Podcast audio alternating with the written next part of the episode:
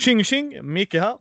I den här månadens intervju så sitter vi med en väldigt god vän till mig, Andreas Lundström, som gör lite annat i rollspels-Sverige vill jag ändå påstå. Men jag tror många lyssnare skulle nog känna igen dig för Tärningen är kastad och Sweden Rolls åtminstone. Så välkommen till podden, Andreas. Tack så jättemycket. Ja, som sagt, du spelar in Actual Play Podcast. Yep. Uh, och sen gör du lite annat också som vi kommer komma in på. Men jag tänkte bara så här för att folk ska kanske få känna dig lite som person.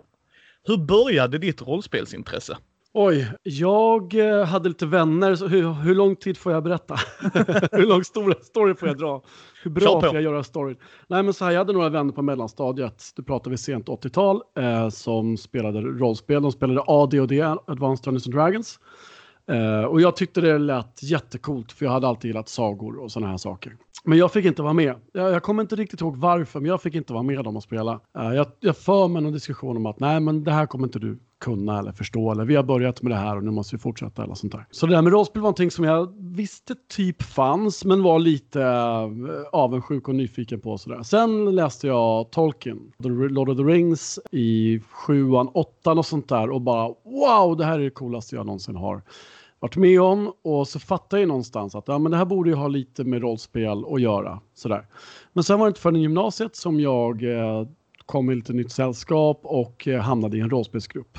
Eh, 94 så började vi spela Drakar och Demoner och eh, då hade vi en spelledare som var spelledare för Drakar och Demoner, MUTANT, Kult, Sagan om ringen, rollspelet eh, och säkert något mer också. Och efter att ha spelat några månader så, så kom han till mig och sa Alltså Andreas, du får ta över som spelledare för Sagan om ringen. Så jaha, vad, vad då då?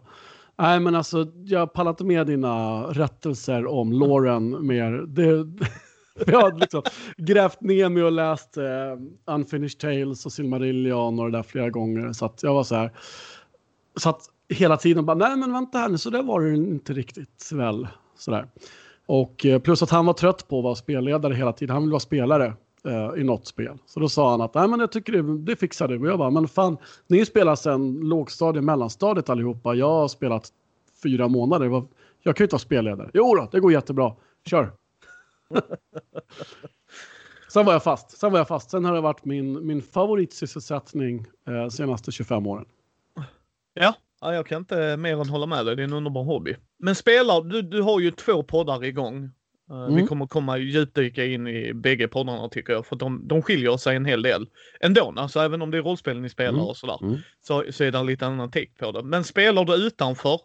Alltså utan mm. mix så att säga? Ja, jag gör faktiskt det också. Jag vet inte hur jag hittar tiden ibland, men eh, ja, jag har två väl. Ja, jag har haft fler. Ett tag hade jag två, tre poddar igång och fyra homegames. Uh, men nu är jag nere på två poddar och och eh, två homegames. Okej, okay. och vad spelar ni i homegamesen då? Uh, det ena där är jag spelledare och vi spelar igenom mutantboxarna helt enkelt, MUTANT år 0.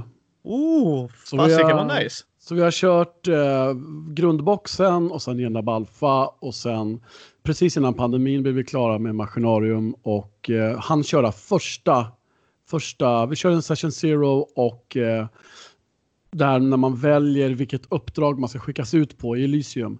Uh, han vill ah. göra och sen kom pandemin och då var det bara tvärstopp. För de vill inte köra online. Uh, och sen jag spelare i en grupp som kör The One Ring. Ja, vad föredrar du? Spelledare eller spelare? Det är en fråga som jag själv ställer när jag gör intervjuer med Sweden Rolls. Uh, och jag måste säga att jag, jag vill verkligen växla. Men skulle du put a gun to my head och bara säga du måste välja bara göra en resten av livet så skulle jag nog säga spelledare ändå. Men jag vill verkligen, verkligen göra både och. Jag tycker båda är väldigt roliga. Ja, absolut. Jag håller med dig. Man, man lär sig från, man får en annan syn på det.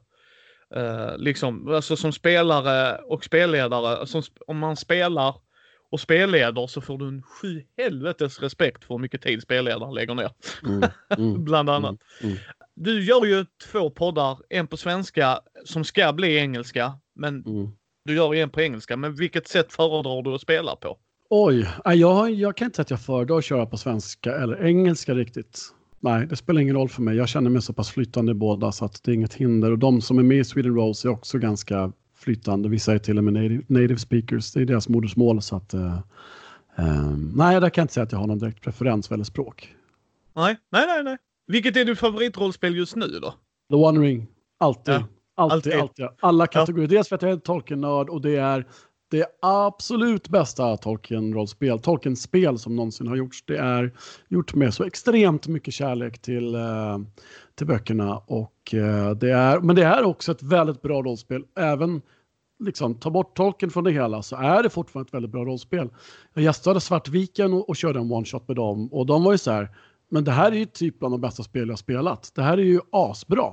Ja, jag lyssnade på den och så insåg jag, fasiken Andreas vurmar för det här.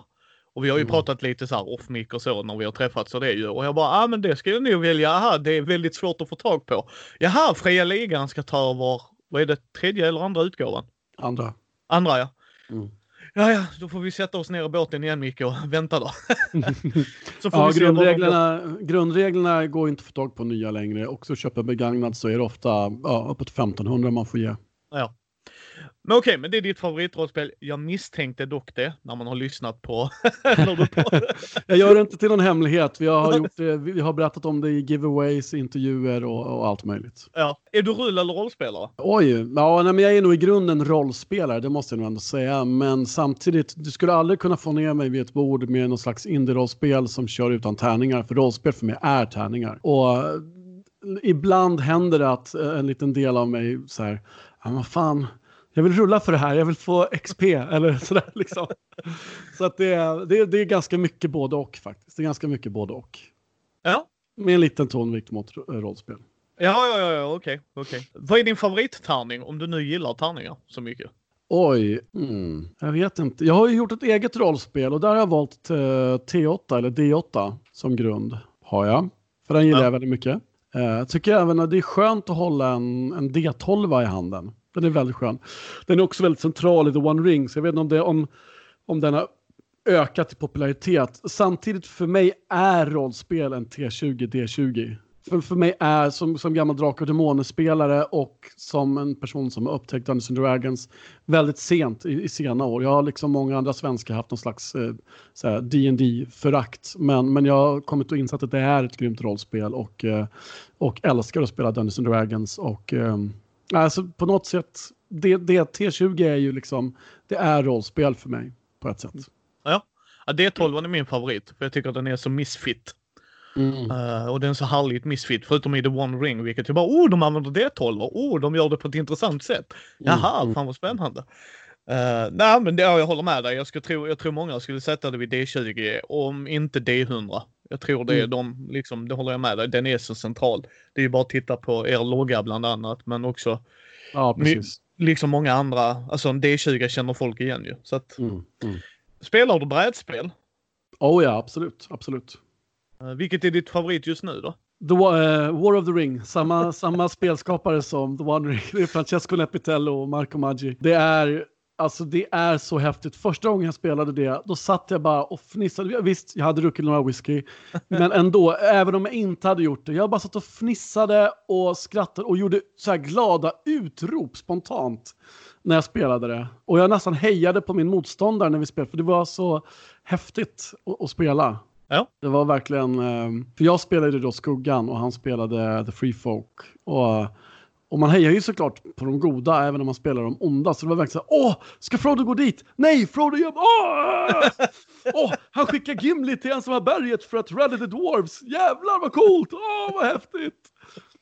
Ja, men det är så pass komplicerat och långt så jag har bara spelat det tre gånger tror jag någonsin. Jag, jag, och jag längtar verkligen till att få spela det igen. Längtar, längtar, längtar. Jag tror du är en av få av mina vänner som är sån Tolkien-nörd. Uh, och jag, jag, tycker det är sjukt kul och framförallt när man hör dig prata om det.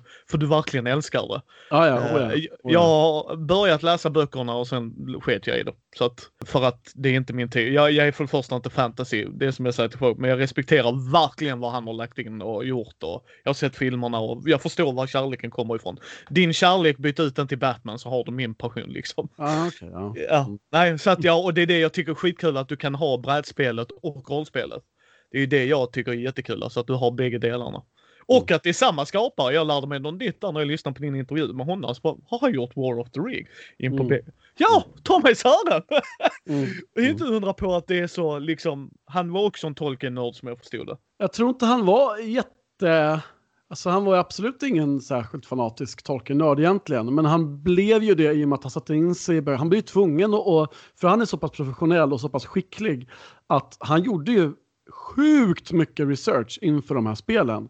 Alltså vi pratar galet mycket research. Vi pratar om, han började titta på vilka böcker läste Tolkien, liksom så här rent generellt, och läste och plöjde dem. Och blev expert på dem. För att hitta, okej, men The Woodman, vad kan han ha fått inspiration till dem ifrån? Och han plöjt tre böcker som han är rätt säker på att Tolkien har fått inspiration till The Woodman. Som nämns i typ fyra meningar i, i böckerna totalt. men som är ganska centrala för, för speciellt The One Ring. Så då måste han liksom läsa, in, läsa sig in sig på det. Är du Eurogamer eller Mary Trasher? Åh, snälla, snälla, snälla, snälla, förklara vad det är. För jag har hört de här uttrycken massor med gånger. Och jag, jag skäms så över att jag inte vet vad de faktiskt innebär. Ja, alltså Eurogame, eh, stor pensel gott folk, ni har, som har lyssnat på min innan ju. Men Eurogames, där är ju mekanik mer fokus. Eh, Mm. Medan tematik kommer i andra hand. Alltså det är den tyska Mm. skolan säger man för Okej. då. Okej. Det är därför det blir Eurogamer. Så du har liksom Ja. Terraforming Mars i ett Eurogame. Medan Ameritrash är eh, fokus på tema, du har mer slump i det. Eh, mekaniker kommer i andra hand. Liksom, det är inte så Mm. viktigt. Det viktigaste är att framhäva temat. Eh, du har eh, Mansion of Man, second edition eller first edition till exempel där. Ja, då Alltså- är jag definitivt en... Här, här, säger jag inte, här säger jag inte ett politikersvar och säger båda, utan här är jag definitivt Ameritrash. Ja. Uh, dels därför att jag spelar brädspel för lite, så att jag är inte tillräckligt duktig på det.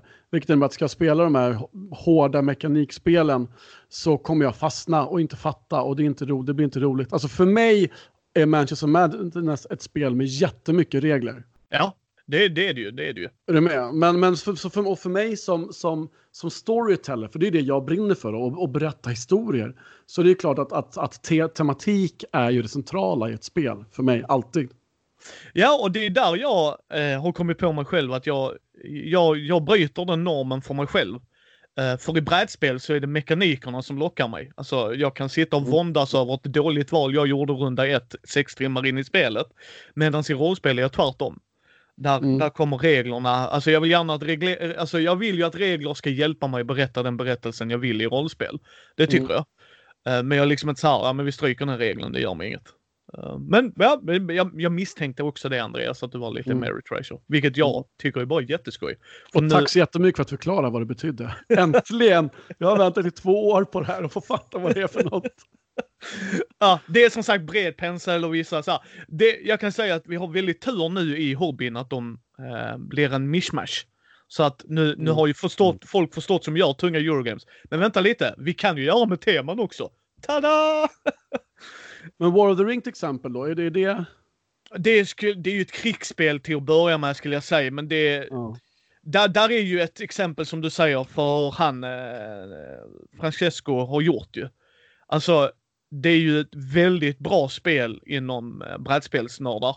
Mm. Eh, liksom att det är två spelare, de förmedlar teman. Mm. Jag skulle säga att det är en liten blandning av bägge, för du har ju slumpen med tärningarna och jag Mm. för mig, jag har spelat det en gång. Uh, där är också kort va, som man drar, så att det är inte Ja. så här, Så där är ju lite slump där och Mm. ja. ja, jag gillar det. Så det är, det är en blandning skulle du säga? Ja, jag skulle Ja. säga att det, för, mig, för mig personligen hamnar det någonstans i mitten. För Mm. det är tillräckligt komplicerat och det är inte bara slump liksom. Utan Ja, där är du, du gör ju tunga val som du säger när han rekryterar folk i bergen och så. Mm. Mm. Vad gör du när du inte poddar? Vad gör ditt dagliga yrke så att säga? Oj, lite allt möjligt. Eh, jag har ett dagjobb som lärare. Jag eh, är musiker, kompositör. Jag eh, skriver lite grann också. Jag har ju översatt delar av western till engelska. Jag skriver äventyr till Handbok för superhjältar.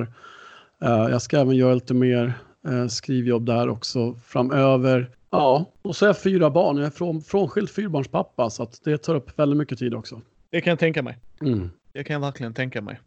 Eh, har du smittat dina barn med ditt otroliga intresse för tolken och rollspel? Nej. Tyvärr inte. Jag var på väg att få in dem i Star Wars-fandomen i alla fall ett tag. För de, de gillade Star Wars, de två äldsta. Och vi körde Star Wars, alltså Western Games, gamla Stjärnornas krig, eh, äventyrsspels eh, översättning av Western Games. Eh, och de, när vi hade kört första mötet då sa de Pappa, det här var det roligaste vi någonsin har gjort. När kan vi spela igen? Och jag bara, åh, min lycka är gjord!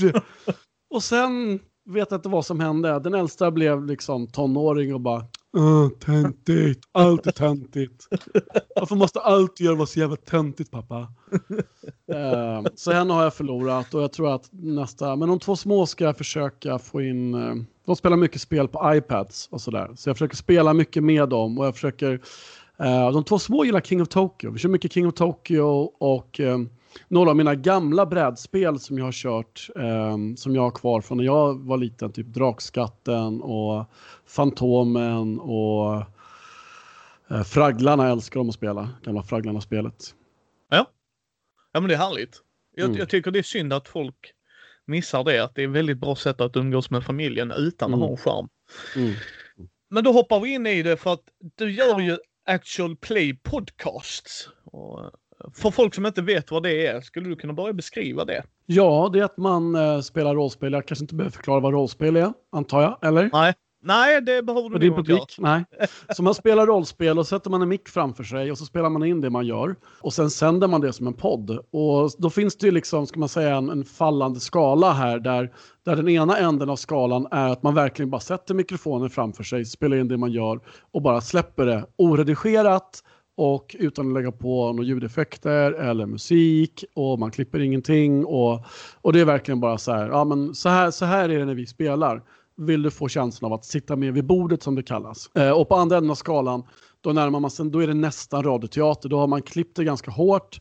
Man försöker få bort alla typer av regeldiskussioner. Nästan så att man i vissa fall till och med tar bort tärningslagen. Utan bara liksom eh, man narrate, vad heter det? Man berättar bara liksom resultatet av, av vad tärningslaget var. Eh, man lägger på både ljudeffekter och, och eh, musik. Och mina poddar ligger väl någonstans ganska, ganska mitt, mitt, mitt i på den skalan. Eh, jag brukar också ibland säga att det är tänkt att det är radioteater med en slump. Med en slump. Alltså det är improviserad radioteater, men du har en, ett slumpmoment med tärningar där du inte vet vad som kommer hända. Om, om protagonister kommer lyckas eller inte med det de vill göra.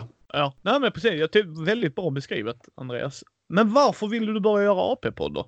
Um, jag, är väl, jag är väl lite grann av en entertainer. Det har jag varit uh, alltid denna sen, sen småbarnsåren. Jag har ju jobbat åtminstone semiprofessionellt som musiker i, ja det är nästan 20 år snart. Och sådär. Så jag gillar ju att stå på scen, jag gillar, och, och jag gillar att berätta historier. Jag, jag, brinner verkligen för att berätta historier. Och rollspel, jag tror det är därför jag liksom fann rollspel vara min favorithobby. För att, att berätta historier är verkligen en, en stor passion för mig. Och, och, jag tycker inte man kan göra det på bättre sätt än att spela rollspel. För man berättar en historia tillsammans man har lite planerat, men man improviserar också fram väldigt mycket och du vet inte hur det kommer sluta. Nej. Spelar jag en pjäs så vet jag att den kommer sluta exakt likadant varje kväll. Det vet jag. Eh, skriver jag en bok så vet jag hur boken kommer sluta. Spelade jag ett gäng i en kampanj så har jag ingen aning om hur det kommer sluta. Nej, precis. Den ovissheten och osäkerheten ger liksom en edge som du inte får någon annanstans än i rollspel. Ja, jag, jag håller med. Jag älskar ju rollspel av den anledningen också. Uh, och du lär dig verkligen att tänka snabbt som spelledare. Så bara, nu mm. lär de gå åt höger, de gick inte ens åt höger, de brände höger. Jättebra, tack för det spelare.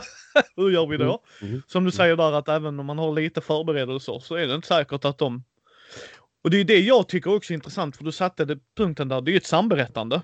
Mm, mm. Men vi har alla olika bakgrunder, alla olika sätt att se det på och tänka på. Så en lösning för dig eller ett sätt att tänka för, för, för dig behöver inte vara det av de fyra andra. Och det tycker jag också är jättekul, alltså att man mm, bjuder in och öppnar upp liksom. Och att det är ett samberättande och ett samarbete. Ja, jag gillar det.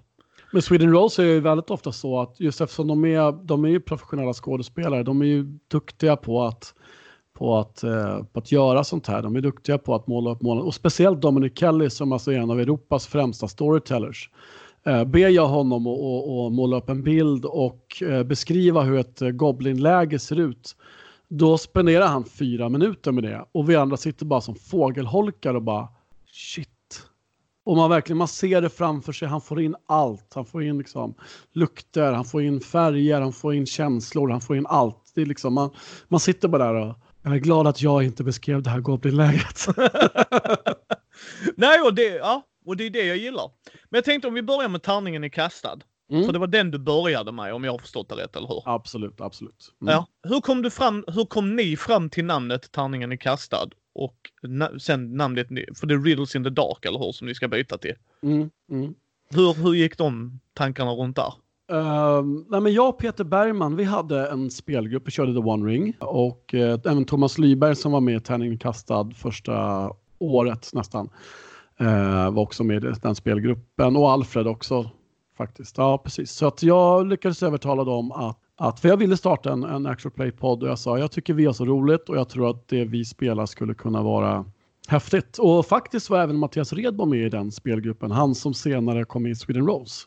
Ja. Men, eh, men han ville inte vara med då, för han ville inte att... För han sa, ah, men rollspel det är min hobby. Jag vill inte blanda jobb och hobby riktigt sådär. Så han tackade nej då när jag skulle starta Tärningen kastad. Och så var det några andra spelare med också, men de ville inte vara med och köra podd. Så jag, Peter, Alfred och Thomas startade podden och vi kom fram till att vi vill ha fler spelare. Så vi annonserade lite grann på Facebook. Vi eh, fick med Christian och Josefin och ja, körde The One Ring. Eh, namnet kom från, eh, ja, vi försökte hitta på ett namn och sen jag kände mig själv så jävla korkad för det var faktiskt min exfru som, som sa så här. Nej men vadå, tärningen är kastad kan det väl heta, det väl jättebra. Och jag bara, well, there you have it. Tack. ja. Jag bara, hur ja. fan kunde jag som är liksom antikvetare inte komma att tänka på namnet Alla Est? Liksom. Hur kunde ja. jag inte komma på det själv? Jag skämdes enormt. Sådär. Så det var faktiskt min nu, nuvarande exfru som, som äh, för hon var min fru vid tillfället, men, men nu är hon exfru. Så att, men hon som Josefin Lundström som kom på kom på det namnet. Och sen, eh, ja, vi körde The One Ring, ganska lång kampanj. Bytt, sen har Robert Jonsson gästat oss mycket och vi spelar bortom. Och vi har spelat allt möjligt. Lite Coriolis, en lång kampanj Western har vi kört och nu är vi inne i en lång kampanj Monster of the Week. Ja, och sen ska ni den har ni ju kört på svenska nu och ni ska köra klart mm. Monster eh, of the Week, heter mm. spelet. Jag har mm. köpt det tack vare dig, kan jag säga. Ja, du ser. Vi försöker äh. säga till Evil Hat att, fan, kom igen nu. Äh. Vi har ju sålt en massa spel i Sverige på grund av oss. Men sen ska ni köra på engelska, ni vill nå en större publik och allt det där. Så då valde ni namnet Riddles in the Dark och vad jag har förstått så ska ni gå tillbaks till The One Ring då också. Och köra ja. Ska ni köra en fet kampanj då också? Mm. Och då blir det verkligen bara The One Ring och det blir bara en enda lång kampanj. Det, det, ska bli, det ska bli jättespännande. Jag håller på att gå igenom er backlog redan. Men varför valde ni Riddles in the Dark som namn där då? Uh, det är ett kapitel ur Lord of the Rings. Är det. Och det är, en, det är ett av mina absoluta favoritkapitel i böckerna. Och som podd är det ju ett, det är ett väldigt bra namn. Ja, det är faktiskt. ju. uh, måste jag säga, tycker jag faktiskt. Ja, men jag tror att i det här fallet var det nog jag som faktiskt föreslog det. Jag får nog ta åt mig äran av det faktiskt. Jag tror nog faktiskt att jag får scrolla upp långt i våran chatt och se vad, men jag får mig att det var jag som, som, som, som kom med förslaget att, ah, men vad säger ni om Riddles in the Dark? Det kan väl vara ett bra, ett bra namn. Ja. Sen har ni en logga där man ser kasinotärningar kastas. Det är två D6, jag har inte den precis framför mig i huvudet nu, men mm. I tärningen är kastad. Hur, mm. det, det, är ju en bra logga för tärningen är ju kastad. Mm, exakt, exakt.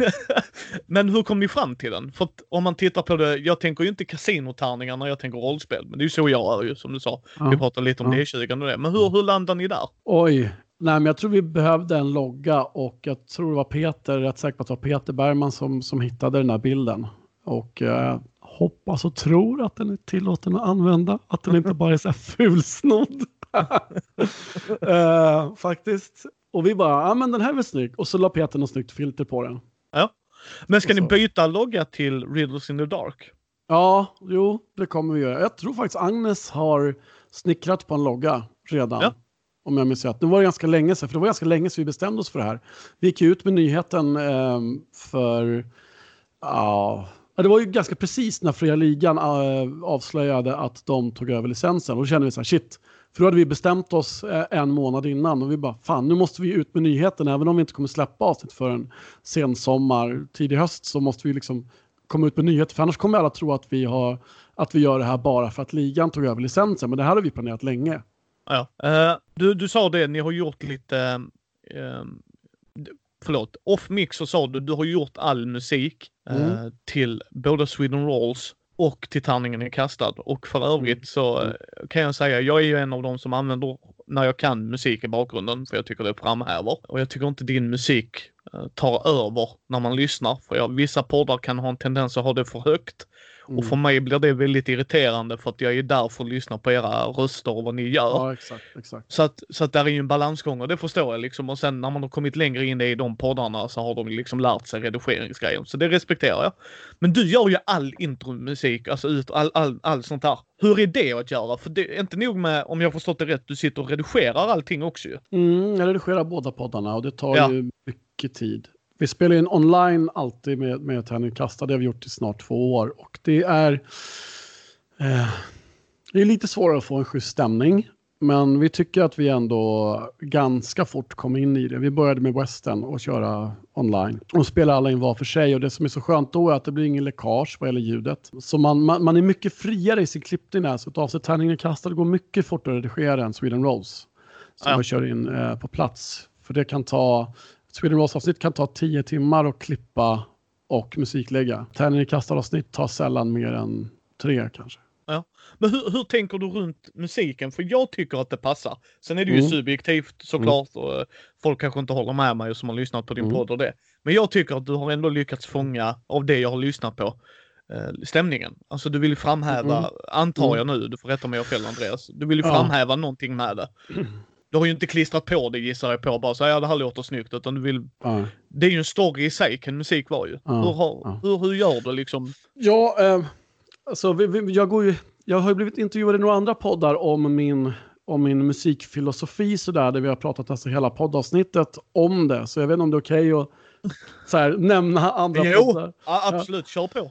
Ja, jag har till exempel Bortom Bortom, Robert Jonsson intervjuade mig och då hade vi tema rollspelsmusik. Och jag har även blivit intervjuad i en podd som heter Äntligen spelmusik som egentligen har mer dataspelsmusik eh, fokus. Men där han som har den här rollspelare så att han frågade om jag ville gästa där också. I de poddarna Uh, det, det, är ganska gamla avsnitt. De är något ett och ett halvt, två år gamla kanske. Något sånt där. Men, men där, där går jag in verkligen på djupet och totalt tok nördar ner mig i, i min filosofi. Men, men kort sagt, kort, kort, kortfattat.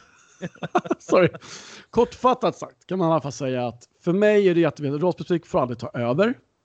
Det ska aldrig, du kommer aldrig kunna, som i en film, eh, tajma ett, ett klimax i, en låt med, med, med ett, ett klimax i rollspelandet. Det kommer aldrig hända.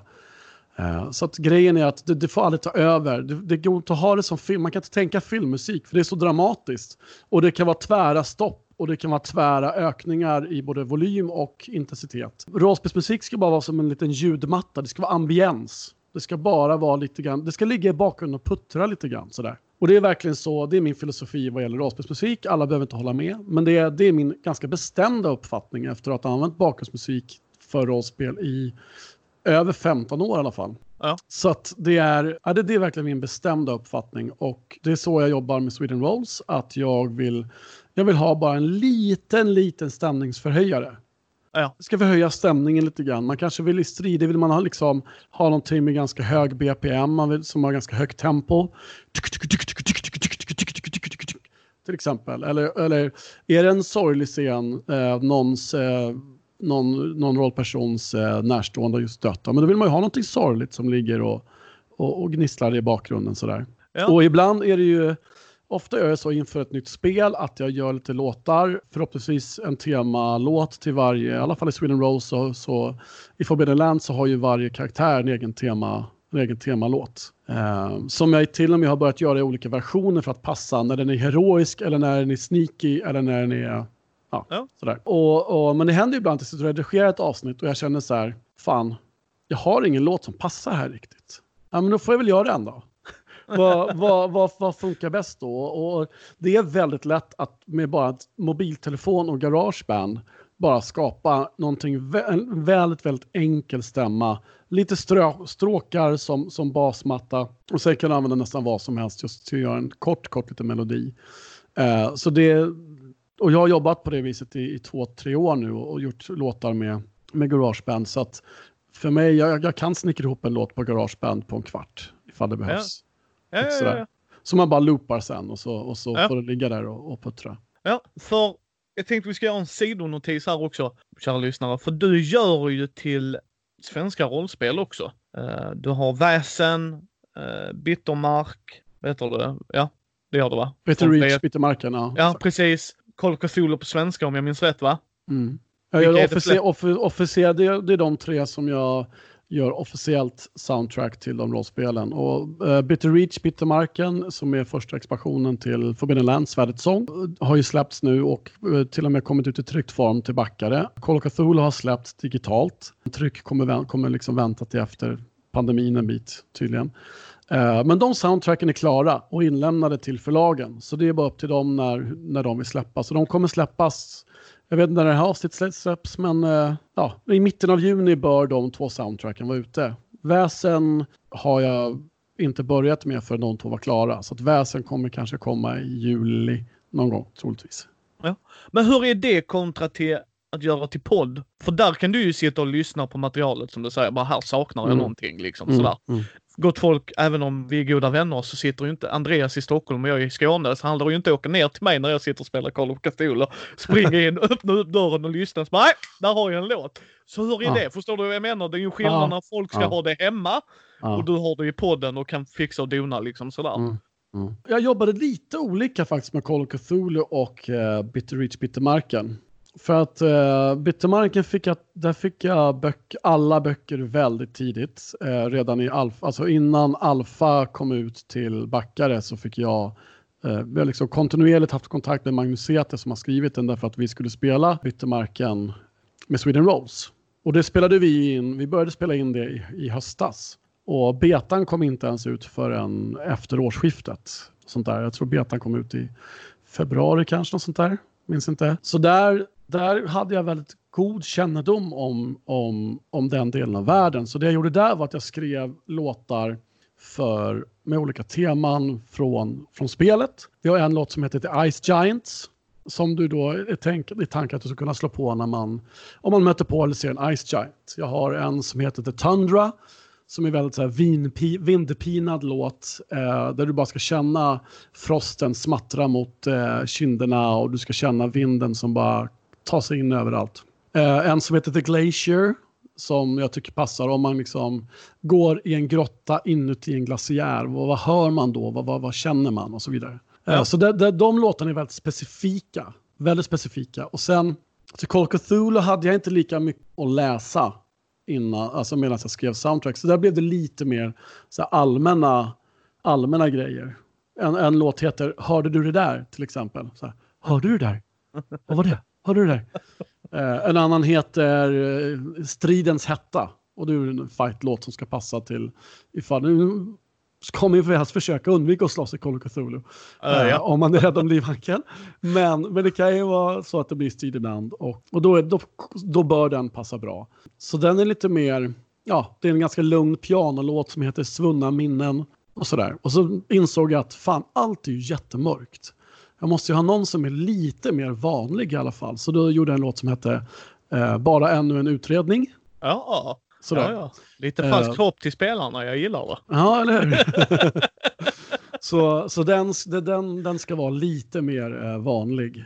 Men som jag förklarade till Losa, det finns ju liksom inte budget att spela in med, med ett helt jazzband. Eh, och sen var ju inte jazzen så stor i Sverige på 20-talet. Eh, det var ju mer så här, revyartister som var stora då. Ja. Så att eh, det blir mer, som jag sa till dem, tänk mer Manchester Madness eh, musiken som är till den appen. Ja. Och inte så mycket det glada 20-talet, eh, jazz ja. eh, och så. Ja. ja, men det är härligt ju. Härligt. Ja, jag gillar det. Jag gillar när man kan få lite mer fokuserat så. Uh, ni, nu, och det kan vi prata om bägge där, Sweden Rolls och det, men jag tänker vi börjar här med tärningen ni kastade ju. Ni har ju som sagt spelat massa olika system, settings och liksom mm. sådär. Alltså system pratar vi då liksom regelsystem och setting för mig är då till exempel fantasy, western och lite så. Hur väljer ni det? Oj, nej men det är väl en demokratisk process skulle jag säga. Ja, det var det. Alltså vi, vi startade ju som en grupp som körde The One Ring så att vi skulle köra The One Ring när vi startade podden var ganska självklart. Eh, plus att det var ingen svensk podd som spelade. den. Det finns knappt någon internationell podd ens som spelar faktiskt. Eh, jag har försökt leta och leta och leta och det finns knappt. Det finns några som streamar på YouTube. Men jag klarar inte av, jag, alltså jag sätter mig inte vid, här, i tv-soffan och bara, men nu slår jag på en fem stycken som sitter vid sina skärmar med, eh, i, i tre timmar. Det gör inte jag. jag. Det tycker inte jag är intressant, utan podd lyssnar jag på när jag cyklar, när jag städar, när jag diskar, när jag gör någonting annat. Jag går ut med hunden gör jag bland annat. Ja, men exakt. Precis, perfekt podd, poddlyssnartillfälle. Men, Ja. eh, men de, de här släpper inte som poddar, så att, eh, det fanns knappt. Eh, och sen ja, får vi möjlighet att få en gäst som Robert Jonsson till exempel, ja, men då tackar man ju ja såklart. Eh, så Ja, ja. Och då blir det, det, det, det spelar en kampanj som han har med sig. Och Western valde vi för att eh, ingen hade spelat det och för att det är ett väldigt bra spel. Och ja, vi ville, och jag, fick, jag tyckte jag fick en häftig idé till en, till en kampanj där. Uh, Monster of the Week var lite lustigt för att vi var så här, ah, men vad ska vi spela nu härnäst? Ja, men nu har vi kört så mycket one-shots, uh, eh, vi måste köra något lite längre.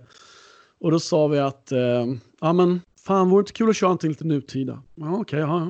Och uh, sen, ja men skräck kanske, vi har inte kört så mycket skräck. Och samtidigt så sa jag så här, men alltså vi sitter ju och skämtar hela tiden med varandra och skrattar. Eh, då kan vi inte köra Call of Cthulhu till exempel. Det, det, för det, det, bland de bästa lyssnarkommentarerna jag någonsin har fått, det var en ganska tidig vi fick till träningen kastad. Då var det någon som skrev så här, ja, alltså jag, jag tycker den här podden är jättebra. Alltså jag gillar inte spelet och systemet. Jag gillar inte, jag kommer inte ihåg om han sa jag gillar inte spelleden eller jag gillar inte liksom äventyret spelaren har skrivit, jag kommer inte ihåg.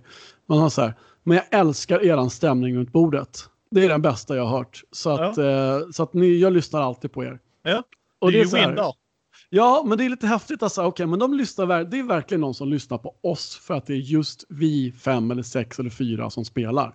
Ja. Eh, och det, är, det, det tycker jag är bland det roligaste, häftigaste feedback man kan få faktiskt. Och, och det är ju verkligen tärningen kastat signum att vi har, ja, men vi har jävligt kul tillsammans. Vi är ett skönt gäng som är, som är sköna lirare. Vi, har, vi, vi, vi spelar och har kul tillsammans. Ja. Och då var det så här, men då måste vi ha något, om det ska vara skräck och nutid så måste det finnas lite utrymme för humor.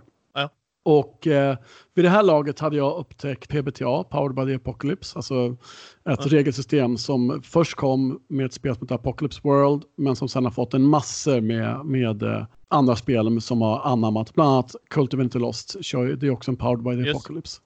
Och efter vad jag har förstått av nya chock så känns det också lite PBTA. Eller har du koll på det? Jag vet inte. Eh, Jag har inte läst Power of the Apocalypse än. Jag börjar med den. För jag, jag gör ju videos också på min Mm. eh, YouTube-kanal ju. För jag tänkte Mm. då ska jag börja med den för du har sagt det. Så att, ja, väl inte omöjligt. Alltså att Mm. få inspiration ifrån det är väl inte så svårt. Mm. Jag, eh, Nej, men så det, för, för vi tycker att det, det, det, det är typ det bästa systemet att ha när du kör en podd. Att, att som podd funkar det systemet otroligt bra för att det händer alltid någonting. Det är inte så här, ja men jag försöker göra det här, slå tärning, jag slår, ja jag misslyckas, jaha, det var synd. Ja men Ja. kan jag försöka då? Ja, eh, jaha, okej, ja visst kan du rulla, ja, äh, du misslyckas, ja vad synd. Ja, men då går vi och testar på något annat. Utan det är så här, och varje gång du plockar upp tärningen så riskerar du att skit händer. Ja. Slår du tillräckligt lågt, då händer skit. yes. Då ger Och det- du spelledaren och spelledaren slår inga tärningar. Nej, och jag gillar det. För jag har börjat läsa Apocalypse eh, World-boken. Och jag håller med dig för att det är hela tiden eh, misslyckande framåt. Alltså där händer någonting. Mm. Liksom. Det, det är inte per automatik som du säger när man var yngre framförallt. Jag slår tärningen, ja, jag misslyckas, inget händer. Andreas slår, eh, misslyckas, ingenting händer. Frykis mycket säger, ja, han lyckas, åh yay, han klarar det. För han rå- rå- råkade slå en naturlig 20 så att eh, den som var skitsämst på bullshitta lyckades uppenbarligen lura hela borgmästare i gillet och allt det där. Mm. Medan i det här är det liksom som du säger att jag vill du slå för det? Ja, vill jag verkligen det Andreas? det är lite som The. Dread med Jenga-tornet. Ja, ja, det kan du göra. Dra en, dra en, eh, dra en sån pinne. Mm. Nej, nej, då skiter jag i det. Då, Mm. då var inte det viktigt längre. Nej, och, jag, och, jag, och jag håller med dig och jag kan tänka mig det. Jag har för mig att vi spelar rollspel bytte väl också till Dungeon World som är Ja, fantasy-versionen just. Exakt, exakt. Och, ja. och det, kan, jag- det kan jag tänka mig. För där la de vikten på väldigt mycket i den boken som jag kommer att prata om i videon. Att det är ett samberättande på ett sätt ju. Liksom verkligen beskriv hur, vad som Mm. händer. Beskriv vad du vill göra. Och det funkar skitbra i podd. Mm. Och så fortfarande har du ju slutelementet som du sa. Där är Mm. spänningen där tärningen tillför. Ja, men verkligen. Så då, då sa vi så här, men då, då, då föll valet ganska naturligt på Monster of the Week och då hade ju uh, The Adventure Zone som är världens näst största rollspelspodd. Uh, de hade nyligen blivit klara med sin jätte, jättelånga dd kampanj och hade börjat spela Monster of the Week. Så Josefin uh, var den som sa, men vet ni vad, alltså, utefter allt det vi har sagt, vad, vad säger ni om Monster of the Week? Det är ju det som Adventure Zone kör nu. Och jag hade ganska nyligen börjat lyssna på, eller jag hade väl ganska nyligen lyssnat klart tror jag på deras dd kampanj Så jag eh, var så här, ja ah, just det, Adventure Zone där, just det. Och så lyssnade jag lite grann på något avsnitt och bara, ja ah, men fan det, jag håller med, jag tycker att det här kan vara något. Så att vi, ja, det, det spelet passar oss verkligen jätte, jättebra. Man kan, det är verkligen upplagt för att kombinera humor och skräck och det är PBTA så det är narrativt drivet. Nej, ja, så där, där blev valet så. Och sen när vi nu skulle gå över till engelska och köra Riddles in the Dark så kände väl Både jag och Peter är ju jättestora både Tolkien-fans men framförallt The One Ring-fans båda två. Ja. Och vi kände, vi la upp det som förslag. Och för våra, alltså Tärningen i kassas lyssnare, många upptäckte ju oss med The One Ring och därför ja. är det det de gillar och de har tjatat på att vi ska återvända till det. Men vi har inte alltid riktigt varit överens om det. Eh, så nu när vi då skulle välja någonting till att köra på engelska så, så jag kommer inte ihåg vem som lade fram förslaget, men både, liksom jag och Peter sa, men, om det finns en möjlighet att köra The One Ring, då kommer vi alltid vilja köra det. Så är det bara. eh, och Agnes sa, nej men jag tycker vi, varför inte, vi kör. Speciellt om det inte finns så många poddar som kör den. Det är väl jättebra. Ja. För det finns möjlighet att och få lyssnare bland Tolkien-communityn som inte alls spelar spel överhuvudtaget. Och så. Så att det, ja. Ja men det är ju härligt. Jag, jag, hade en fråga här som känns väldigt dum. Vilken är din favorit av de system och settings? Jag skulle gissa The One Ring va? Nu förstår jag inte riktigt. Du frågade förut av vilket favoritrollspel var. Ja, ja. Eller var, det här, var den här frågan annorlunda? Eller ja, ja, ja, som när ni har spelat in i poddform. Vilket har varit ditt favoritregelsystem och setting? Aha. Alltså jag måste ju säga att alltså PBTA passar ju till podd lite bättre än The One Ring. The One Ring har ju lite lite meta-inslag som inte funkar jättebra i podd egentligen. Så vi får ju ganska mycket diskussioner om hur ska vi göra, hur ska vi förhålla oss till de reglerna? Ska vi husregla någonting eller ska vi göra allt det där off mic och sen bara spela in utfallet? Eller hur ska vi göra? Så att Most of the Week skulle jag absolut säga att, att det är det rollspel vi har spelat som, som, som passar bäst för podd. Eh, och kanske även som passar oss bäst. Men eh, The One Ring är ju ett bättre spel tycker jag. Det är ett roligare spel. Sen om det är för att jag är Tolkien-fantast eller inte, det är, det är svårt för mig att avgöra faktiskt. Men jag tycker Monster of the Week är ett grymt roligt och bra spel. Ja. Sen har ni haft gäster i podden. Mm. Liksom, hur, hur har ni kommit? Är det folk som har frågat er eller är det ni som har jagat folk så att säga? Eller jagat, men liksom försökt få tag på folk och så vill ni vara med här och spela? Det var ganska länge sedan vi hade en gäst faktiskt, så jag minns faktiskt inte riktigt. Vi hade ju en gästspelare när vi körde Flow, det var inte jag med på. Uh, men det var väl en, en väninna till Peter tror jag, som, så för att de behövde en spelare till eftersom jag inte kunde vara med på några inspelningstillfällen. Så henne frågade vi, men annars minns jag inte riktigt. Eh, Kristoffer uh, Warnberg och Lukas, de körde ju Gudasaga med oss. Och det var ju jätteroligt. Alltså det spelet är ju så fantastiskt. Jag vet att du gillar det också. Ja, uh, vi ska spela det idag. Ja, du ser. Ja, men det är ett fantastiskt rollspel och det fick vi spela när de körde sin Kickstarter. Så att det, vi spelade in det och så släppte vi det jättesnabbt så att de kunde ha det på sin Kickstarter som en sån här, ja men lyssna här så får ni se hur det skulle kunna spelas. Mm. Robert Jonsson, alltså jag minns faktiskt inte om vi frågade Robert Jonsson om han frågade oss. Jag minns inte om vi frågade Kristoffer och Lukas eller om de frågade oss. Jag minns faktiskt inte det. Ja. Men vem, vem har varit din favoritgäst då? Oj. Ja, men det är ju som att välja med sina barn, det går inte. Nej, men alltså Robert Johnson öppnar ju upp en ny värld för mig på ett sätt. För att jag hade inte riktigt spelat rollspel på det sättet som han spelleder innan. Nej. Så jag som spelledare lärde mig mycket av att, av att ha honom som gäst. Hans scenarion är ju bland de bästa i Sverige tycker jag. Alltså han, är, han är typ Sveriges bästa scenarioförfattare han, alltså hans intriger och plot twists och sådana saker tycker jag är, är unrivaled. Jag tycker han är fantastisk på det, en mästare. Så uh, jag får, får med flera svar. Men jag tycker också när Marcus Linder, uh, Josefins man, gästade oss. Han hade knappt spelat rollspel förut någonsin och han gästade oss. Vi skulle köra en one-shot D&D med Agnes som spelledare och bara kliver in och sätter allt. Han, han var kanske den mest dominerande karaktären i gruppen av oss, av oss tre. Och då är det alltså Kristoffer Warnberg som gästade oss då som spelare och eh, jag och Josefin som var spelare. Liksom, verkligen luttrade rollspelare, har spelat ja. länge. Eh, och Marcus bara kliver in och visar var skåpet ska stå. Det, var jätte, det tyckte jag var häftigt. Ja, sen har vi liksom, för ni, ni spelar in nu online ju. Hur ofta spelar ni in? Mm, Terran kastad nu med Monster of the Week så har det blivit ganska mycket att vi kör. Vi har ju släppt varannan vecka. Ja. Uh, och då har vi spelat in ja, varannan eller var tredje vecka så har vi kört två avsnitt. Uh, men nu på sistone, tid, sistone har det blivit lite mer Eh, och så ville vi släppa varje vecka inför avslutning, för vi börjar närma oss eh, avslutningen på den kampanjen och då ville vi eh, dra upp tempot lite grann. Dels för att, eh, eh, dels för att liksom öka takten inför säsongsavslutningen, men också att vi vill komma igång med Riddles in the Dark eh, så fort som möjligt. Ja. så då har vi spelat in lite, ja men då har vi kanske kört varannan vecka och spelat in två avsnitt. Ja, ja. precis. Men vi har alltid varit noga med att försöka ha lite buffert så att man inte står där och inte kan släppa avsnitt en vecka helt plötsligt. För det, vi, vi råkade ut för det efter flow. Då hade vi ett ofrivilligt typ två månader långt uppehåll för att vi hade svårt att hitta inspelningsdagar och vi kände att vi hela tiden hade för lite buffert för att det blev inställda inspelningar hela tiden. Ja. Så att vi kände att okej, okay, men vi kommer inte börja släppa förrän vi har en buffert på fem, sex avsnitt minst. Ja. Men nu börjar den bufferten tryta så nu, nu måste ja. vi steppa upp det igen. Nej, jag håller med. Vi gör ju väldigt mycket buffert också. Det, det är väldigt viktigt tycker jag, så att man kan. Vi mm. släpper ju varje måndag. Mm. Uh, mm. Så, att, så det krävs väldigt mycket förarbete. Mm. Men hur mycket lägger du i, eller ni som grupp och sådär, i förberedelser inför ett kampanjäventyr? Liksom det är väldigt, väldigt, väldigt olika. Är det fortfarande bara tärningen kastar vi pratar? Nej, uh. du kan flika in där liksom med Sweden Rolls också. För om vi, vi, vi kan dela upp frågan lite då. För att du gör ju Sweden Rolls med folk som inte har spelat rollspel innan nästan. Mm, mm.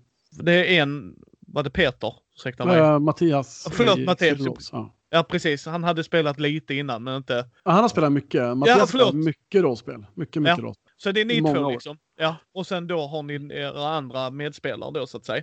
För där kör ni bara svenskproducerade rollspel som finns på engelska, eller hur? Ja, eller mest i alla fall. Hittills ja. har det varit bara, men vi har sagt att det är inte så att vi inte kommer. Vi kommer till exempel köra, vi har ett väldigt hemligt och väldigt, väldigt speciellt dd projekt som kommer eh, ganska snart under ja. sensommaren i alla fall borde det nog komma. Det som vi kan börja släppa t-shirts om snart hoppas jag. Men det är någonting som jag ser enormt fram emot. Och vi har inte sagt att vi, vi skulle till exempel spelat My Little Pony om ja. det inte hade varit för att Annelies kontrakt totalt förbjuder henne att göra det.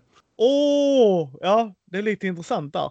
Mm. Ja, för du har ju då i, i Sweden Rolls där precis, så, så har ni hur ni gör där då, då har ni ju spelat Svärdets sång Forbidden mm. Lands. Liksom. Mm. Det var väl det ni började med har jag för mig? Va? Det var det, det, var det vi började först. med. Så vi körde ju två säsonger med det först innan vi gjorde någonting annat i stort sett. Så vi släppte ju typ 30 avsnitt av det och sånt. Ja. Mm.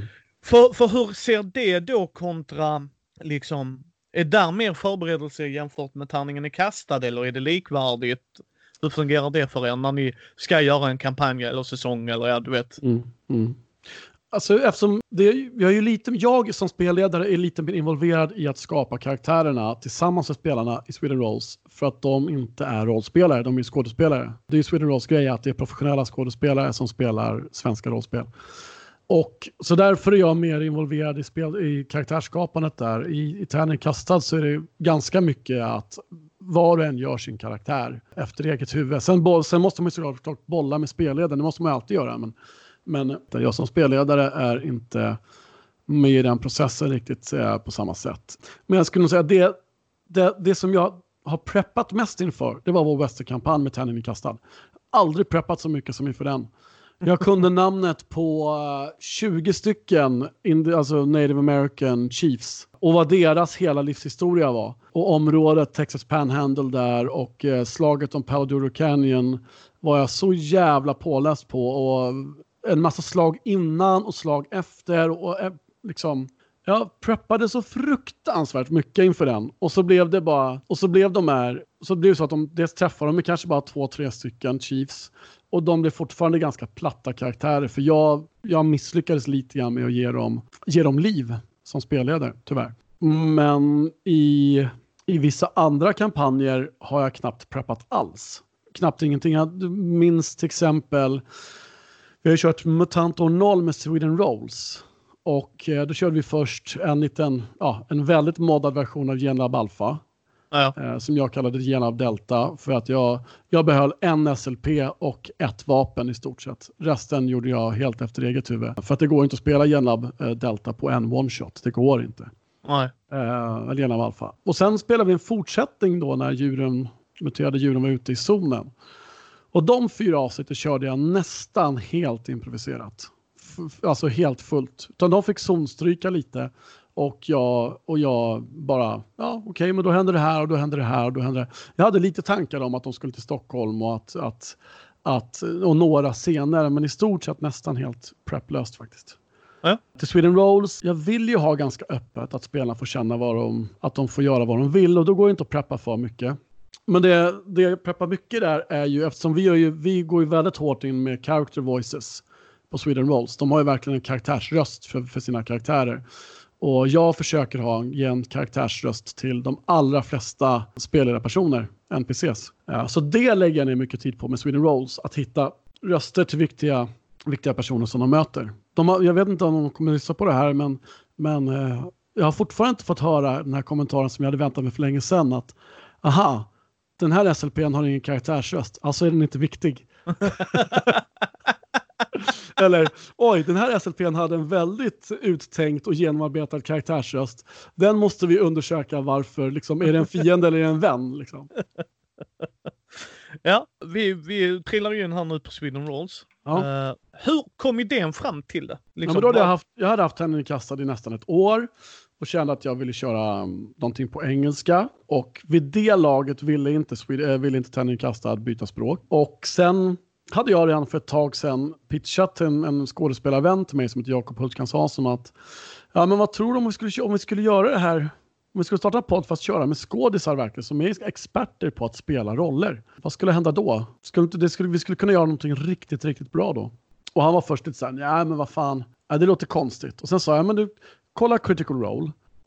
Undersök lite vilka de är och vad de gör eh, och hur långt de har kommit. Och hör av dig sen. Och jag vet att hans son spelar ju D&D och, och känner till Critical Role sedan innan. Så att han pratade med sin son, han gjorde lite research och sen ringde han upp en, någon eller några veckor senare och bara Fan Andreas, vi gör det, vi gör det. Så ja. det, det här Ingen Kastad mer är ett, eh, ett kompisgäng som, som spelar rollspel och spelar in det. Visst, vi klipper en del, jag lägger på lite musik och sånt, men det, den podden är lite mer åt känslan av att sitta med vid bordet-känslan. Uh, medan Sweden Rolls är väl lite mer åt uh, radioteaterhållet. Även om vi också tycker, jag tycker ändå att, för jag vill ha en balans. Jag tycker att dra det för långt åt något av hållen. Jag vill inte höra chipsprassel, jag vill inte höra uh, långa regeldiskussioner. Men jag vill heller inte att alla tärningslag försvinner, jag vill inte att det blir för mycket radioteater. Jag vill ha en balans och jag tycker att båda mina poddar, eller våra poddar, ändå är ganska bra på att hitta den där balansen mellan mellan att känslan sitter med vid bordet, men det är också en hög dramatisk eh, kvalitet. Och då är det ju klart att liksom, Tärningen kastade ändå lite mer åt käns känslan sitter med vid bordet-känslan och Sweden Rolls är lite mer åt det dra dramatiska hållet. För vi har ju ibland långa, vi kan ju ha extremt långa dialoger där det bara är karaktärer som pratar med varandra i 20-30 minuter ibland. Ja.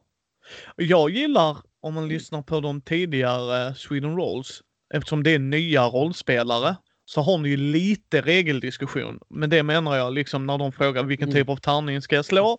Hur mm. fungerar det? Och sen är det liksom inte så här flera minuter långt utan du förklarar till exempel så här, det är grundegenskap och färdighet. Det slår du och sen mm. kollar vi liksom. Och det gillar jag.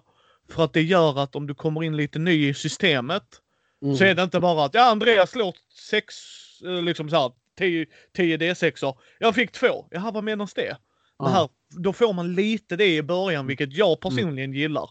För mm. för mig, om inte tärningen, om jag inte får förklarat vad tärningen betyder, ja, så blir jag, då, då, blir jag lite off till systemet. Men jag tycker du har lyckats ja. med en balansgång där, även i Sweden Rolls. Liksom just att... Mm. Ja, alltså, men precis. Man vill ändå ha med lite grann så att lyssnare ska kunna förstå varför slår vi tärningar. För vi vill ju också, vi siktar inte in oss bara på rollspelare. Vi har flera lyssnare som inte spelar rollspel överhuvudtaget. Men som lyssnar på oss för att de gillar berättandet som vi håller på med. Ja. Med Sweden Rolls. Och de, de, och, och de behöver lite kontext för att förstå eh, spelet ändå. För då förstår de, vi kör till exempel ganska många spel med MUTANT och nollregelmotorn. Och att de då förstår att, jaha okej, okay, jag fick två lyckade och, och du fick tre lyckade. Ja, men vad, då förstår de ganska fort vad det innebär. Ja. Så att, eh, ja. Hur, hur kom ni fram till namnet och loggan? Vi ville ha en, alltså det finns ju tusen och åter, det finns tiotusentals rollspelspoddar där ute. Du måste liksom tränga igenom bruset på något sätt. Och, och det finns ju olika sätt att göra det. Och vi valde väl sådär att, ja, ska vi vara ännu en Dungeons and Dragons-podd? Nej, det ska vi nog inte vara. Och så kände vi att ja, men vi ville ha den här svenska kopplingen. För Sverige internationellt sett står ju för kvalitet vad gäller rollspel. Förlagen vinner ju priser på, på löpande band. Eh, svenska rollspel har ett sjukt bra rykte internationellt. Så att vi var en rollspelspodd som hade Sverige med i titeln var var ganska... Ja, men vi, vi, när vi väl fick den känslan, eller idén, då kände vi att ja, det är självklart, det ska vara någonting med Sweden.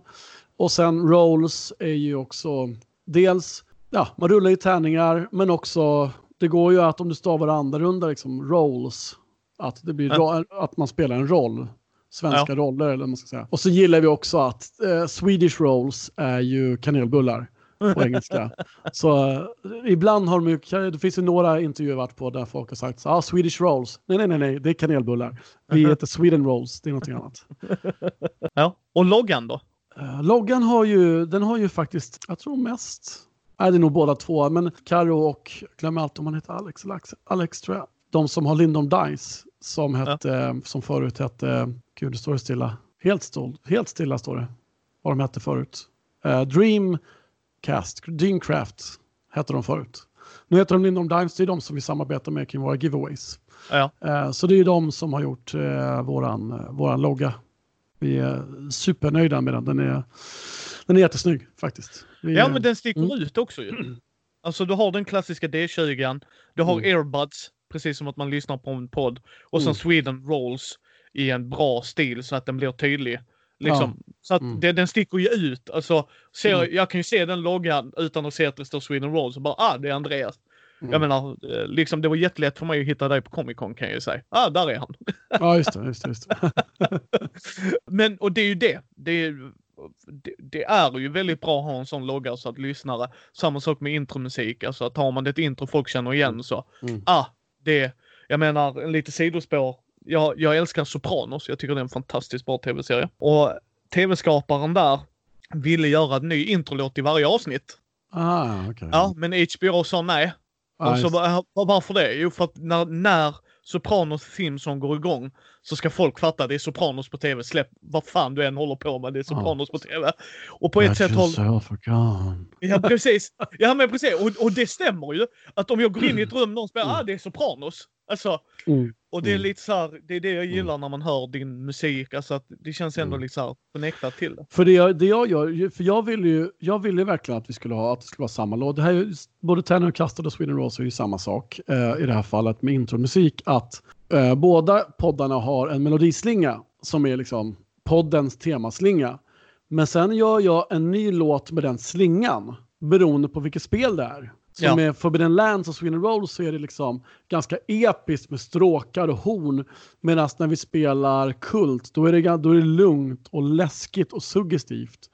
Och när det är Coriolis så kommer det in en sån här arabisk flöjt som kör temat. Ja. Så att det ska vara, och, och, och så har jag försökt göra liksom, försökt köra lite så här, ja, men som Stranger Things introlåten till när vi kör uh, ur varselklotet Tales from the Loop. Ja. Med både Sweden Rolls och med Tärningen kastad. Så när tärningen kastar sig i western då, då kör jag banjo och, och, eh, då kör jag banjo och munspel till exempel. Ja. Och sådär. Så att, för, för jag vill gärna, som du säger, man vill ju känna igen introlåten. Det är viktigt. Men ja. det är också, man kan, jag tycker också det, det blir konstigt när man har en pampig fantasy-låt och ska man spela skräck. Det blir nej, så här, det sätter inte stämningen. Nej. Du måste sätta, jag vill att man sätter stämningen från första början. Och det som var så kul då var ju att Robert Johnson har använt en hel del av min musik när han har kört Soläventyret. Ja, ja.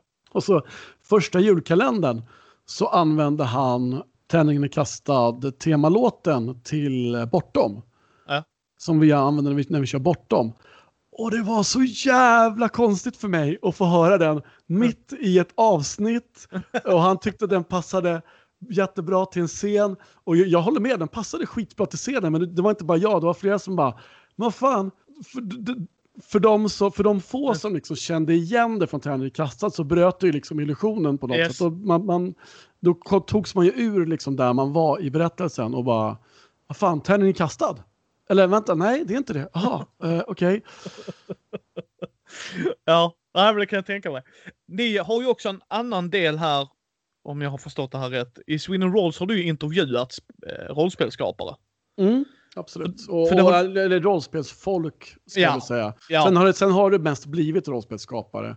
Ja. eh, för att jag har haft dålig fantasi. Jag, jag börjar få lite slut på idéer om vilka jag ska intervjua. Så om det är någon lyssnare här som har förslag på vem, vem jag ska intervjua eh, internationellt så hojta gärna till. Och väldigt gärna eh, kvinnliga rollspelspersonligheter. Personligheter. väldigt gärna. För det är, det är lätt att hitta intressanta gubbar och, eh, och, och, och som, har liksom, som har tyngd i branschen. Ja. Eh, men det, det är svårare. Så om någon har något förslag till denna, denna gubbe Andreas Lundström på, på, på kvinnliga spelskapare eller sånt eh, internationella så, så hojta jättegärna till. Ja, men det tycker jag. Men för där, där är min fråga, hur, hur har det varit att bli intervju-Andreas? Jämfört med spelledare-Andreas? Oj, jag vet inte. Jag, jag gissar väl att jag har blivit bättre på det. Man hoppas ju det. Att det har skett någon slags utveckling. Men det är... Jag tror det, det som var svårast för mig där har nog varit att lära mig hålla tyst. Att, att, så här, ja, men, att, eh, att det, det är ju den som intervjuas som är intervjuobjektet. Och jag som intervjuare har en tendens att vilja sticka in med egna stories, komma in med egna anekdoter och sådana här saker. Och det är ju inte riktigt det som intervjun är till för. Man kan ha en viss, alltså några sådana är ju självklart, det är jätteroligt och det är jätteroligt om den som intervjuar även kommer in med lite egen input och så vidare. Men, men jag märkte ibland att jag nästan tog över. Det, det, det får inte bli så. Nej. Ja, det kan jag hålla med om. Det kan jag hålla med om. De, de är ju i fokus. Mm. Sen tycker jag det är fortfarande roligt att höra när de reagerar på en anekdot man har. Absolut. Alltså- oh ja, absolut. Och det ska ju vara en dialog, det ska ju inte vara en monolog. Då skulle jag Precis. kunna skicka 4, 5, 10, 15 frågor och bara kan du svara på de här, spela in och skicka till mig tack. Ja, precis. Men vem har varit din favorit där? Personliga favorit. Jag förstår att alla är jätteroligt att de är med och jada jada det politiska svaret såklart. och det, då, nej, du har haft väldigt bra. Gabby, Gunilla, Anders, Fredrik Malmberg, liksom legenden. Så vem, vem har varit din favorit? Ja, men det, alltså, Fredrik Malmbergs historier är ju svårslagna. När han berättar om hur han bodde eh, i ett kollektiv i, vad var det, Boston eller Chicago, jag, jag minns inte. Men med, ehm, eh, gud nu står det helt stilla, han som skapade um, Call of Cthulhu och, och liksom Ja. BRP. ehm, Greg Stanford. Greg Stefan, ja precis. Och, och att, hans, att han, hade en, han hade en get på tomten för att han, han var alltid för hög för att klippa gräset. Så då hade han en get på tomten så han slapp klippa gräset. ja, men sån här, ja, men det, ja, ja, men det, det, det var häftigt. Dels för att, att jag menar, Anders Blix är också en legend. Eh, Ja. Granström är också en legend. Yes. Absolut, helt klart. Men vi hade haft rollspel i Sverige utan dem. Vi hade haft, rollspel hade varit stort i Sverige utan dem. Hade vi inte haft Fredrik Malmberg så hade Sverige lika gärna kunnat vara ett lika litet rollspelsland som Finland, Danmark, Norge. Ja. Det är jag helt övertygad om. Det var han som var motorn och, och, och drivkraften och den som såg till att det blev företag, business av det hela. Och eh, det, det finns ingen annan enskild. Sen är det klart att Target Games var, var ett, ett team och det var liksom Gulliksson och, och Tore. Men alla de här var jätteviktiga, absolut. Men, men utan att liksom ha varit där och då så känns det ändå som att hade du plockat bort en av dem så hade det fortfarande kunnat bli i alla fall typ vad det var. Ja. Men hade du plockat bort Malmberg så det var ju han som kom hem med BRP-reglerna och med licensen. Det var han som åkte till USA och gjorde alla förhandlingar. Det var han som, alltså, Ja. Så det, det, var, det var stort. Sen är det klart att för mig som, som stor uh, The One Ring War of the Ring-fan så var ju Francesco Nepitello-intervjun också häftig. Den drog ju över så pass långt. Vi insåg att ja, fan, vi har bara kommit halvvägs så vi har redan dragit över med 40 minuter. Uh, ska vi boka en till tid kanske? för han eller jag var tvungen att gå, så då blev en intervju i två delar. Ja. Den enda intervjun jag haft hittills som, som, som var i två delar. Annars har jag lyckats hålla mig till kanske ja, 1.20, 1.30, liksom ett, ett ja. avsnitt. Men här var bara så här, ja, men vi är halvvägs och vi är 1.30 igenom. Nej, vi måste boka en till tid och köra en del två. Ja, nej, och det är liksom därför jag vill också intervjua Fredrik Malmberg. För det han satte rollspel, rollspel på kartan på Sverige. Så är det. Mm. Hur ofta spelar ni in Sweden Rolls? Vi har jättesvårt med schemat. Alltså, alla är liksom så kulturarbetare och har konstiga kontrakt och konstiga scheman. Och vissa jobbar dagtid, vissa jobbar bara kvällstid. Dominic bor halvtid i England och nu sen pandemin så har han bara varit i England. Ja. Eh, Jakob är i Värmland. Så det, det, är jävligt svårt för oss att hitta inspelningsdagar. Så vi, vi, vi, vi lyckas ofta, alltså hittar vi en dag så hittar vi, så hittar vi ofta två dagar. Alltså just ja. samtidigt, för att då, råkar allas scheman sammanfalla. Så uh, i alla fall kampanjerna har vi ofta spelat in på, på några dagar. Ja. Sådär. Då spelar vi in en säsong, 16 avsnitt på tre, fyra dagar. Ja. Och, sånt. Ja, och, då har man, och då har man till fyra månader avsnitt nästan. Så att det, ja, det, det är mycket så vi gör. Och med one-shots så, så, är det ju liksom, då ses vi en gång, kör tills vi är klara. Och ibland har det varit klockan ett, två på natten. Ja. Men jag tyckte det var sjukt kul att ni vann en Emmy. Nej, vi har inte vunnit en Emmy. Nej, för, förlåt, inte en Emmy. Nej, förlåt. Det är Red Moon Rock Playing vann en silver. Vi hoppas ju lite grann på i år, man vet aldrig, men eh, ja, det är klart man går och hoppas. Vi har skickat in vårt uh, bidrag. Men ja. vi kom ju tvåa i N-Worlds. Uh, alltså N-Worlds, jag De som ger ut Ennis, deras podcast, ja. utser ju uh, varje år bästa podcast, actual play podcast. Ja, och där blev ni ju utsedda till en av dem. Hur ja, vi kom på andra plats där ja, över, över bästa podcast i världen 2019. Ja, hur kändes det? Det var ju, jag fattade inte. Det var Mattias Fredriksson som skrev det till mig så här. Grattis, ni kom på andra plats. Jag bara, nej, du skämtar. Jag var ju så här, kommer vi ens komma topp 10? Man hoppades ju såklart, klart man går och drömmer liksom. Men, men, men en topp 10-placering hade fått mig att jubla också. Grejen med en andra placering är ju att då börjar man tänka så här, ja ah, men fan, hur mycket fattades det för att vi skulle kommit etta? så på ett sätt hade man ju nästan hellre kommit trea eller fyra än tvåa. För då hade, då hade det bara varit så här odelad glädje. Då blir man så här, ja men fan, tänk om vi kanske hade till och med kunnat.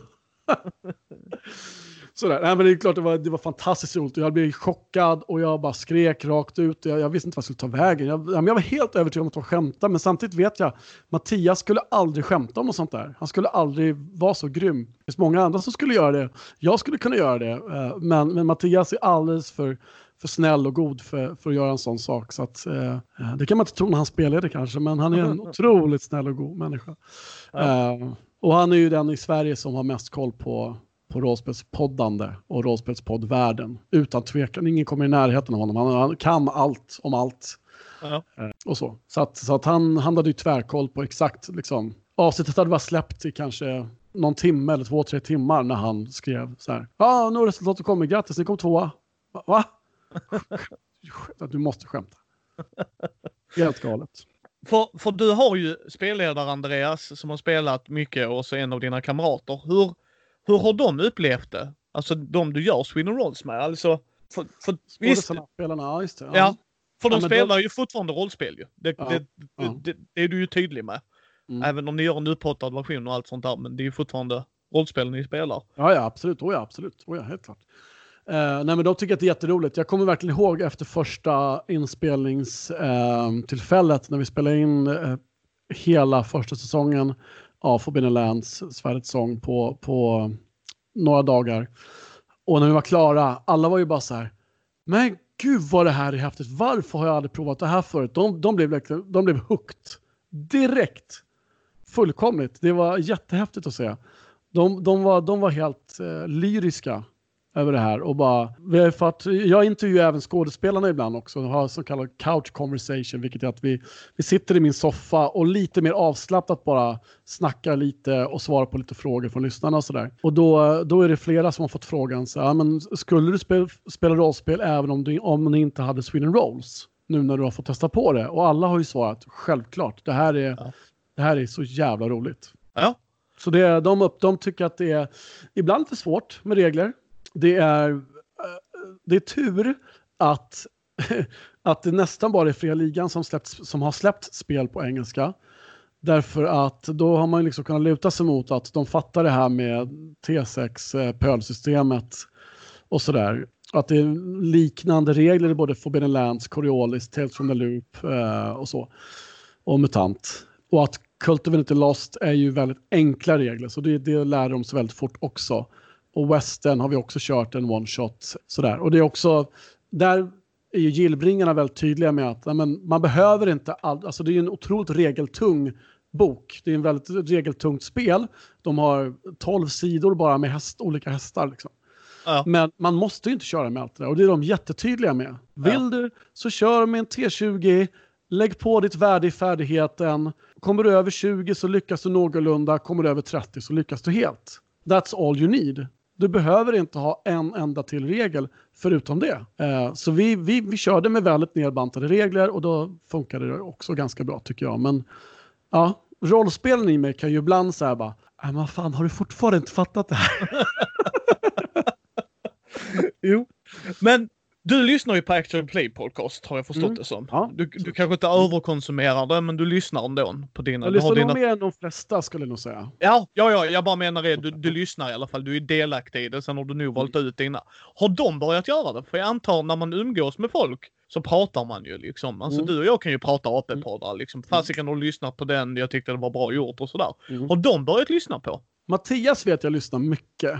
Och det gjorde han inte innan han kom med i Sweden Rolls. Um, ja, Göran, Anneli lyssnar en del, vet jag. Jakob pendlar liksom inte. Eller liksom eh, åker. Så jag tror inte att, jag vet inte hur mycket, svårt att säga. För det, det är även för mig, alltså att jag lyssnar så pass mycket på, på rollspelspoddar är att jag cyklar ju överallt dit jag ska. Och eh, då lyssnar jag på poddar. Så det blir ju ofta kanske ja, mellan 10 och 20 timmar i veckan som jag kan lyssna bara genom cyklingen. Och sen gör jag mycket, ja nu blir jag tvungen, jag gjorde det även när jag var gift, men, men, men eh, efter man har skilt sig så blir det mycket. Man måste städa mycket, man måste diska, eh, plocka, tvätta mycket. Och då blir det, det blir många timmar, så jag lyssnar ju på, ja, jag skulle våga säga att jag lyssnar på minst minst 15-20 timmar, ibland till och med på 30 timmar i veckan. Ja, jag är någonstans där. Jag kör ju lastbil i mitt dagliga yrke. Mm. Så det blir en hel del när jag kör. Ja, men du ser, så det, det hänger lite grann ihop med vad, med vad man gör. Sådär. Jag tror att till exempel Jakobs för att han inte gör så mycket som, som direkt tillåter att han, att han kan göra det riktigt. Eh, för man, jag, jag, jag, alltså, fastän jag producerar poddar och tycker att de är bra, jag, det är extremt sällan jag sätter mig ner i soffan och bara nu ska jag lyssna på den här podden. Det händer inte. Det har varit en enstaka gång i, i Critical Role där jag har känt att ja, men det här kan jag inte bara lyssna på. Den här scenen vill jag verkligen se. Då har ja. jag satt mig ner och kollat på den scenen i, i 30 minuter, kanske uppåt en timme. Men, men inte mer, så jag skulle aldrig se på ett helt avsnitt. Jag skulle aldrig sätta mig ner i soffan och lyssna på podd i två timmar. Nej, jag tycker all respekt till det de har gjort för hobbyn. Det har jag sagt till folk. All jäkla heder till vad de har gjort att få in folk. Men jag har jättesvårt att sitta och lyssna på någon som inte redigerar och så är det fyra timmars långt avsnitt. Mm. Och det, i vissa avsnitt så är det två timmars strid. Alltså sorry. Ja, det är ja. liksom, det är bara nej, mm. no, hard mm. pass. Men som jag mm. säger till folk, jag älskar det de gör. När vi träffades på Comic Con, alltså alla som var där för Matt Mercer, alltså helvete vad de kunde stå och prata om critical mm. role i sig, mm. eh, spelsystemet och sådana grejer. Mm. mm. När de, framförallt de som inte har spelat rollspel innan i Sweden Rolls, hur, hur upplever du det som deras spelledare från när de staplande små bebissteg höll jag på att säga, men du vet så här. Mm, små, ja, jag förstår. Jag förstår ja. Och kontra nu, tar de mer frihet? Alltså, var det frågor i början? Är det här okej? Okay? Förstår du lite hur jag tänker? Ja, jo, men jo, det kanske det var. Eh, lite så här, men hur funkar det här och så. Samtidigt så tycker jag att de ganska från start angrep det här som, som att vi gjorde någon slags improviserad, eh, att, vi, att vi körde någon slags improteater nästan. Tycker jag nog. Och sen Jaha, nu måste vi slå ett slag. Jaha, och oj, hur ska jag göra då? då? Och då, då har vi liksom klippt bort jättemycket av det. Eh, speciellt i början. Klipper ganska hårt bort sånt nu också. Men, eh, eller säga, jaha, men kan jag använda den här, eh, den här talent, den här talangen eller, eller sådär. Men, men de angrep det väldigt mycket och det tycker jag att de fortfarande gör. Även om det blir, det har nästan blivit mer vanligt rollspelande nu än det var från början. Ja. Skulle jag säga. För då var det verkligen så att, då var det som att vi körde improteater och sen pausade vi när vi skulle slå tärningar och så gjorde vi det och så klippte jag ner det så det blev ganska kort och sen fortsatte vi med improteatern. Medan nu är det lite mer, det där det är lite mer liksom naturligt integrerat i varandra kan man säga. Ja. Hur, hur har någon av dem velat spelleda? Har det gått så långt? uh, ja, nej men alltså jag var ju väldigt pigg på att Anneli skulle spela där My Little Pony just för att hon kunde göra så många ponnyröster då. Ja. Uh, så det skulle hon nog ha gjort ifall vi hade fått det.